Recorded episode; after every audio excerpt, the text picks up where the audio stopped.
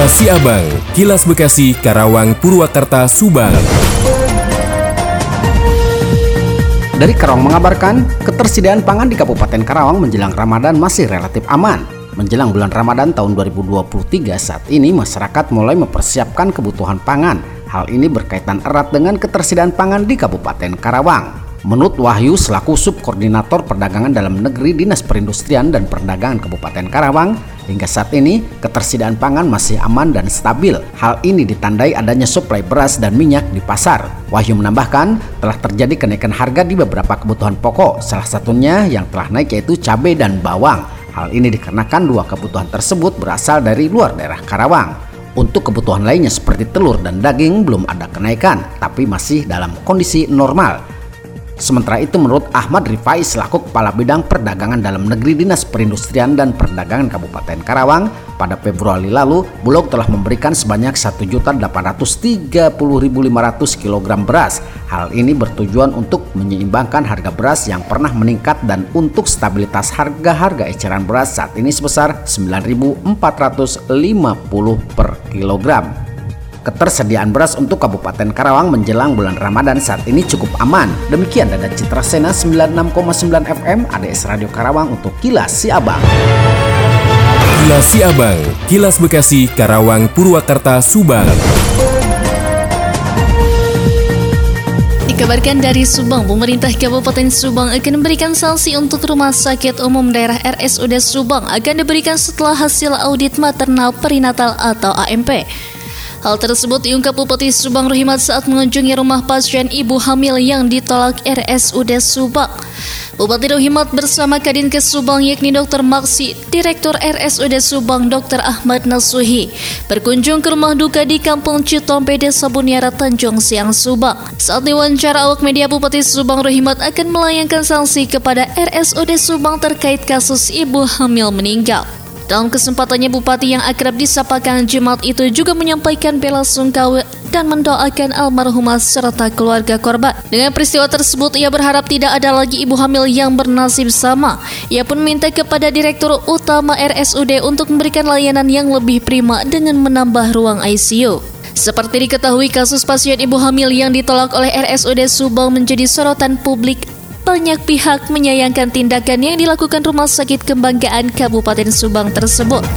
Seintan Azara melaporkan dari Subang untuk Kilas Siabang. Kilas Siabang, Kilas Bekasi, Karawang, Purwakarta, Subang. Badan Pengawas Pemilihan Umum Bawaslu Kota Bekasi mengklaim banyak warga terutama di perumahan elit menolak kedatangan petugas pemutahiran data pemilih atau Pantarli melakukan proses pencocokan dan penelitian atau coklit.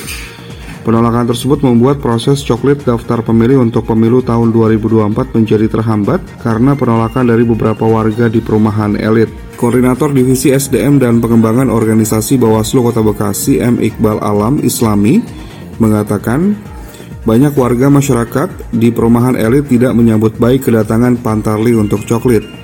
Padahal coklat ini penting untuk memastikan pemilih sudah sesuai datanya dan bisa menggunakan hak pilihnya pada 2024. Iqbal menyarankan para pantarli bersabar dan tetap menjalankan tugasnya dengan baik sehingga proses coklat sesuai jadwal yang ditentukan pada Maret 2023. Ardi Mahardika, Radio Data 100 FM melaporkan.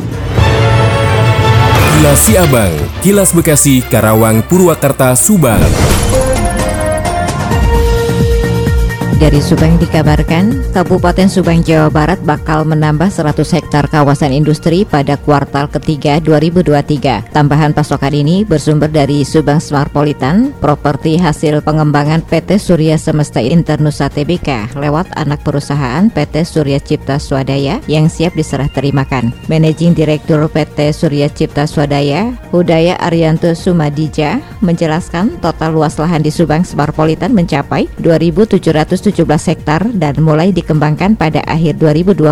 Lahan 100 hektar yang akan diserah terimakan pada tahun 2023 ini masuk ke dalam pengembangan kawasan fase 1 seluas 400 hektar. Anggaran pengembangan Subang Smartpolitan disediakan pada tahun 2023 adalah sebesar 1 triliun rupiah untuk pembatasan dan pembangunan lahan. Sementara total anggaran yang disiapkan untuk pengembangan lahan fase 1 adalah sekitar 5 triliun rupiah. Ari mengatakan baru ada satu perusahaan bidang elektronik asal Jepang yang sudah pasti akan mengisi ruang kawasan industri Subang Smartpolitan. Hal ini ditandai lewat penandatangan kerjasama antara kedua belah pihak di Osaka, Jepang pada beberapa bulan lalu. Sedangkan untuk tinen lainnya di bidang otomotif, elektronik hingga manufaktur sedang diproses dan masih sangat konfidental. Seperti kita ketahui bahwa nantinya Subang Smartpolitan ini bisa diakses lewat tol Jakarta Cikampek atau Japek di kilometer 89 yang nantinya akan disediakan pintu tol khusus. Selain itu Subang Smartpolitan juga akan terkoneksi dengan Pelabuhan Patimban lewat tol akses Patimban yang tengah digarap. Demikian tiga GSP Radio Pamanukan mengabarkan untuk Kilas Siabang. Demikian Kilas Siabang yang disiarkan serentak Radio Dakta Bekasi, Radio Gaya Bekasi, Radio El Gangga Bekasi, Radio ADS Karawang, Radio GSP Subang, Radio Mustika Subang, Radio El Sifa Subang, Radio MKFM Subang. Nantikan Kilas Siabang selanjutnya.